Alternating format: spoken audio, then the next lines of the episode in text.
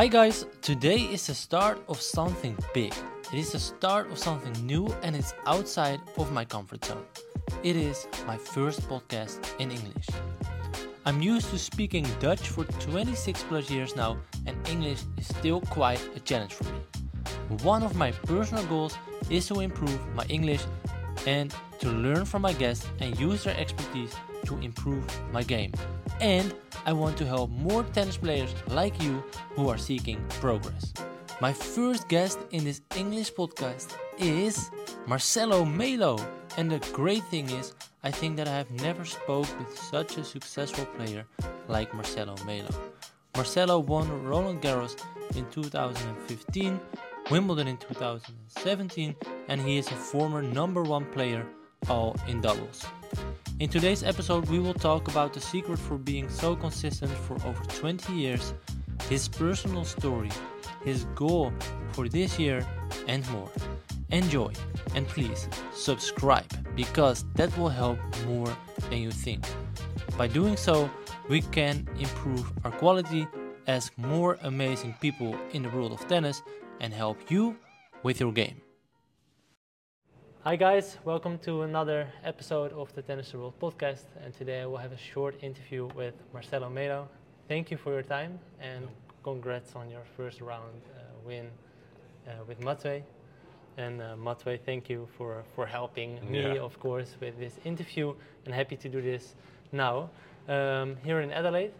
Um, I like I know you as an um, tennis. Um, I'm I'm watching tennis like forever, um, and I'm really like surprised or like um, excited to see that you're still so consistent in your game. And I just watched your match, um, and I think it's very interesting for people to know what the secret is for being so consistent in your game, because we make this episode and this podcast for players, club players, and coaches who wants to improve as well. Um, and what is your your secret? Thank you, first of all, to invite me to, to be here. Uh, I don't know actually the secret. I'm always uh, try to be most consistent uh, since I started just to play doubles. Of course, I learned a lot during the years, uh, especially lately. Of course, with the experience, you start to play better. You start to play more solid. You don't uh, oscillate, uh, oscillate too much. So, in me, my the way I play normally is like this. I try to be on the balance, helping my partner. So the former partners uh, I had was pretty much the same way I was playing. So, yeah, I think it's let's say the secret is for me for many many years trying to keep the balance of my game. And how do you do that? Like the balance in your game. I think you have to be stable mentally, physically, uh, practicing. Like when I'm home, I practice a lot. Uh, people sometimes think doubles players don't practice. I think for you to be on top, you have to practice. So like now, the preseason was practice four hours a day, like almost two and a half uh, at the gym, plus one hour and a half, sometimes two hours on court as well. So I'm, I try to be as much uh, as I can professional. It doesn't matter if I play just doubles, half court, what some people say, but I think if you are good uh, physical wise, mentally wise, you can play uh, better. You balance better, and uh, you take advantage for the the ones that don't do nothing. So, Yeah. but I think it's a, as you decide to be a professional, you gotta be professional. Uh, at the same time, I don't agree to be 100% crazy because then you don't relax, you get more stress. So uh, I still do very th- many things professional, but uh, as well I take my time to enjoy life at and the that's the same time. that's the balance as well. Yes, that's the that's the point because you cannot only enjoy, you cannot only practice because then you I think you, you bring too much stress, you Yeah. know. So that's why I don't know if being Brazilian it helps as well, but uh, I think this is important. All right. And this one is about like your story. Um, for people probably want to know, me included, like who's the guy in front of me, um, like from beginning of his like his story, like what kind of like parts were most influential, uh, influential in your life who led you to who you are today and where you are today. Yeah, but uh, me, let's say about tennis, uh, my family, uh, everybody play tennis. Since my father, my mother. I had two brothers. One is my coach since I played just doubles. Uh, he was both of were professional. The oldest one stopped it a little bit earlier. Daniel, which one is my coach all my doubles career, he stopped as well because he got injured. And then whenever I decided to focus more in doubles, he was just stopping singles. So we decided to try to see if we could work uh, to work together. So I was involved in tennis since I was very little because the, Daniel was playing uh, challengers. Sometimes I was going with him. Sometimes uh, we I used to have a big tournament in Belo, which one he was practicing, how his friends were coming. So I was in my mentality to be a professional since a long time, and this helped me a lot. But uh, in general, it's like that. Me, I'm who knows me or can see I'm pretty chill guy. I try to. I'm way more quiet. Uh, I always take my time, and I don't like to talk so much with um, too many people. I rather keep close friends close, and uh, sometimes it can be unpolite. I don't know, but it's just me trying to be more focused. Like in my career, all these years playing high level, I think this is important for you as well. Make a, a tunnel vision to what you have to do, what you have to bring to the table, because it costs you a lot of energy away from the family.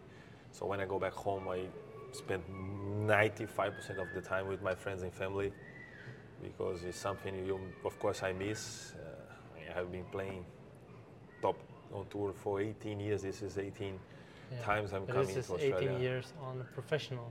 18 years since I won my first ATP. Yeah. So playing And- ATPs. Before that, you also was like on the tour with your brother. Yeah, I was playing juniors a lot. So I was traveling a lot South America. So I learned Spanish and English on tour. So I, since like I said, since little, I travel a lot playing tennis. Hmm. Uh, I have big gap between me and my brother in age, but uh, What, what's the gap? How seven many? years. Seven years. almost seven years, six and Right. six, six and almost and a half years. And uh, but I was I saw him playing a lot.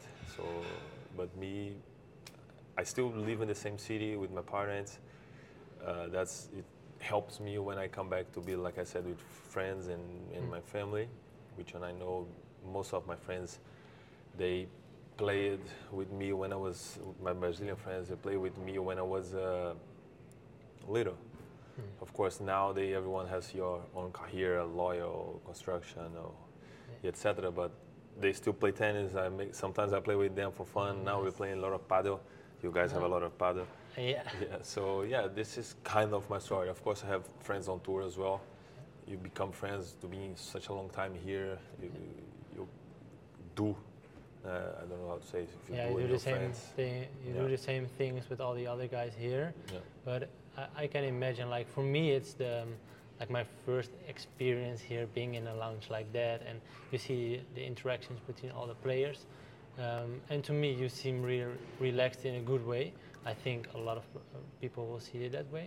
But I can also imagine that it can be very difficult from such a young age to be on tour all the time, especially because there, for a tennis player, there's not so many times where you can go home. I think, or is it some decisions you can make as a player to go home more times?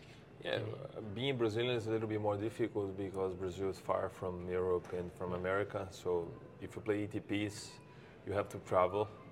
So of course it's way more difficult if I use if I was living in Europe. Sometimes let's say you lose in Madrid, you can go home Yeah. for seven days, but I cannot fly 15 hours time changing to go back then fly back. I fly a lot actually because I like to fly, but at one point it's uh, it's not good for your body, not good for your health. It's all every time, let's say, taking 15 hours and then you have time change and then you don't practice quite well because you need to recover. So being from Brazil, even from South America, uh, being uh, far, we cannot come back that much home. That's why I said again, whenever I come back home, I try to use my time there. Yeah, with your like Yeah. your real ones. Sometimes loved you ones. travel. Sometimes you travel two months. Two Is months that is that the most difficult part of being a pro? For you, or is it like you're used to it? Uh, No, of course I get used to it, but it's, you gotta be. It has to be clear in your mind. You're gonna you're gonna miss. I don't know. I miss the wedding for my brother. I miss birthdays. Almost anyone I'm there. So the only time actually I'm there when I have Christmas. When we have Christmas is the only date actually I try to be there. But besides that, new year, it's, it's, it, be, it becomes every day is a job. Like you have to travel. Like here this year, I go to Perth 29, 30 uh, to play 31, 10 p.m. was sleeping. So that's the one of the price you have to pay to be athlete, professional athlete, not even just tennis. Yeah. yeah. And you like to travel? Why to be on a plane? Why is that? I don't know. I like uh, airplanes. I try to okay. study about it. I know. I nice. talk to some pilots. I talk. I, I don't know. I just like. I don't know if it's because I travel since I was kid. Mm. I always like airplanes. For me, airplane is phenomenal invention for everybody, and I mean, I just enjoy to be in the airplane. Nice. What's your um, What's your favorite aspect of being around the world or being being a professional tennis player? the one I like the most. Yeah. Let's say, I mean, I, I like tennis. I mean, I have I play tennis since six years old. So tennis, it's pretty much what I have done in my life bes- mm. besides school when I went to school as well. And I enjoy to be on tour. I enjoy to go practice. I enjoy to go play a match. So when you go to big stadiums, you come there and play. So you put together everything you practice at home, everything you little, all your effort from your family, because it, it, it's effort from your family, it's effort from your team. Uh, many people around you it puts the effort together for you to be able to play. So I try to enjoy as much as I can. Like I said, I like travel. Uh, even though at the tournaments we don't get to know pretty much nothing from the city, but I just like the fact to be able, like today, to go on court and play a match in tennis tournament. That's fantastic. Like I think that's a big part of the consistency you got showed to all of us. Like that you enjoy it, like every time again, and put in all that work. Um, for all the people like listening to this, they are club players, maybe ITF players. I don't know. Is there something, um, or are there maybe three like to do stuff, actions they can do to improve their game you're like those three things are really important if you want to grow as a player I mean, it depends if I mean to play tennis or doubles. Let's say play doubles. I think if you can play with more with one partner for you to get used to how he plays, how you play, for sure you're gonna play better. But uh, me, uh, the most important thing is how you play, how you improve, how you can be better next day. Uh, if you think too much about the opponents, you don't know what they are doing. You don't know how much they are practicing. You don't know pretty much nothing because we don't give information. They don't give us information. So mm. even for club, if you practice on club, it's it's how you did today and how you can be better tomorrow. Yeah. So in professional level, if you do like this, it's the, for me is the most important thing. So what, what can I improve? have always to be changing, always to improve. Uh, I played nine years, technically with two partners only. Uh, if you see the years, I did not play the same from the first, second, third, fourth, and fifth years because if not, it's too easy. So you have always to be uh, too easy to the opponents for you, to, for them to know how you play. So that's you have been changing and you're getting better and then improving. You change your skills, you play different. Uh, for you to keep there the same playing big tournaments at the same level. So, I mean, my suggestion is just to, to figure out how to play better yeah. yourself. Day by day process. Yeah. Um, which periods in the year do you, like, I, I, we see all those guys, and you, I see you practicing here as well. But what is the difference between maybe practicing in Brazil, uh, making a lot of hours, and just practicing here? Is there, is there a big difference there? Uh, I think yes, because when I go in Brazil, I mean it's more. I try to get, uh, let's say, to improve more, and here is to put uh, together, let's say, all my partners. I played with Bruno, which was Brazilian for two years, so there we can grow the team together. So when I go back to Brazil, I try to improve myself, and then when I go to the tournaments, we practice together to improve to mm. improve mm. the team. Yeah. So it's different scenario when we improve you and you improve the team. So that's one. It's my mentality when I go back, whenever I'm at the tournament. And uh, are there many like, technical changes still in your game? Uh, not so much. Uh, more the way I play. I don't like to change technique so much, uh, especially now after so many years. So mm-hmm. it's more important when I'm tournament is how to manage to play good together with my partner, which one I was playing now normally when I play. And on the physical side of it, is there like off-season, pre-season? Normally, I do pre-season in Brazil. I try to do at least three to four weeks.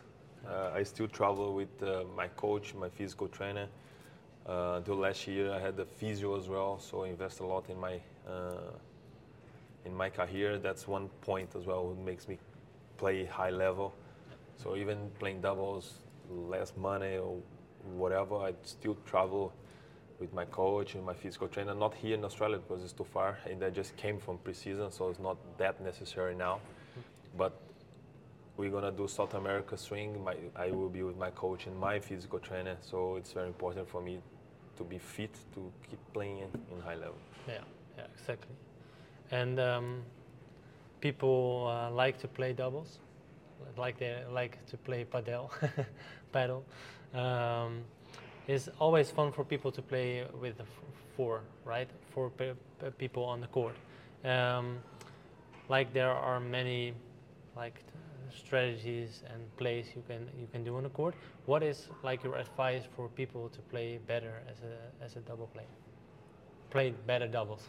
Yeah, I think it's the way you understand your partner because you need to know technically how he's gonna play, how he's gonna hit the shot, how if he's better on the net, if he's better on the back, how he can help you more. Let's say if you're better on the net, how he can help you to make easier volleys or better volleys. So it's it's important for you uh, to understand the the game. Like this is why they say when as long as you play better, you play together because you understand what the guy is gonna do in that shot, or you're gonna do, and he will know uh, how he's gonna serve important moments, uh, where it's easier for you to move or not. So it's it's more understanding between the. It doesn't matter the level you play about your partner. This I think is the key to make a good team. That's nice.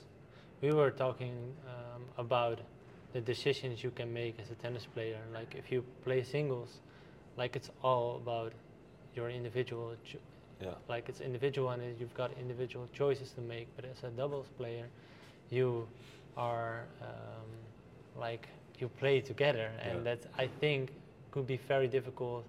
Like if it's your job, if you're a professional, like if, if he's like not playing well, uh, like let's say Matwé was not playing well, like it can be your, it will be your problem as well. So your advice is like know each other, know how you play, uh, know when the ball is going there, where he will probably play it, right? Yeah. Yeah. Um, is there a big difference between like uh, Bruno or, or Matwé in the way they play? I always. Uh, Or do you select the- do you select players in, in like no, normally it's good for you to, to match up what you need from your partner. Like that's why I said it's important for you to understand. Uh, I think when you create the balance, uh, let's say I will give an example with Kubot, what was the Mm. partner I had more success with. He was returning very good, so I was helping him in the return. I was helping him on the net. So we, our game match was the matchup from our game was very strong. So we, the, the player, the opponents could not find, uh, let's say, a weak spot in our game. So I was helping him a lot on the net when he was serving. So I was serving good. He does not need to help me so much. But then from the baseline, he was helping. So he was aggressive. I could finish the net. So this was very good from us. So that's why I always I look. I try to find a partner which one it can help Click. me Yeah. and this couple of things I don't do well for them to do well.